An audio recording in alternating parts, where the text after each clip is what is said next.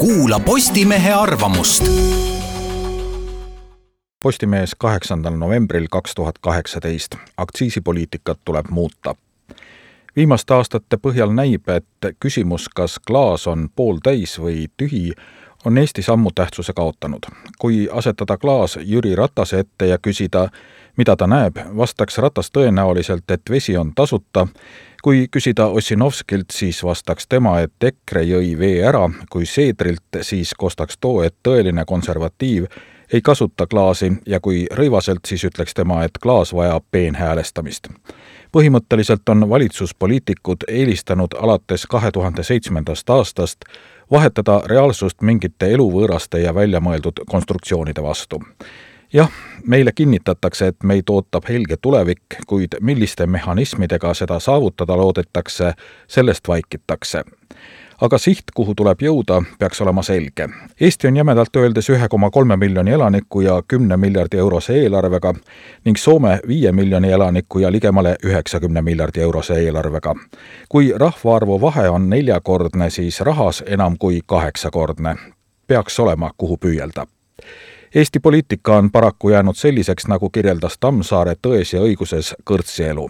seal aeti tõsiseid asju, kui ühised huvid nõudsid, aga peale selle kõrtsis joodi, ärbeldi, kakeldi ning mõni ullike sõi klaasi ja teine lõi päkkade välkudes mööda kõrtsilaudu tantsu, pannes varvaste vahel rublased rahatähed hõõguma enne Riigikogu valimisi on piltlikult öeldes olnud palju ärplemist ja kõrtsilaua otsas tantsulöömist ning liiga vähe juttu tõsistel teemadel, näiteks tervishoiust ja maksudest.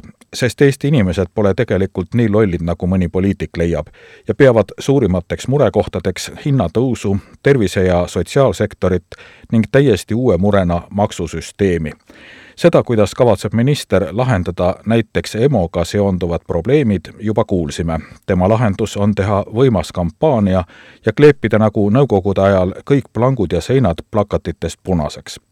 kui palju sest abi on, on omaette küsimus. kui räägime peale tervishoiu teisest probleemist, mis eestlasi vaevab, ehk hinnatõusust, mida on tagant kütnud valitsuse idiootne, selle võib juba välja öelda, aktsiisipoliitika, saaksime vastuseks ilmselt midagi samasugust kui eelpool kirjeldatud klaasijutt.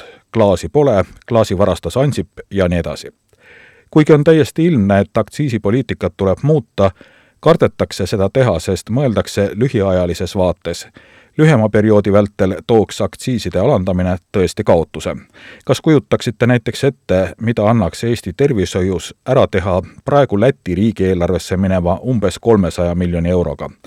Selle üle võib fantaseerida, kuid kindlasti tuleb panna täiendav ressurss eriarstiabi ning ravijärjekordade vähendamise peale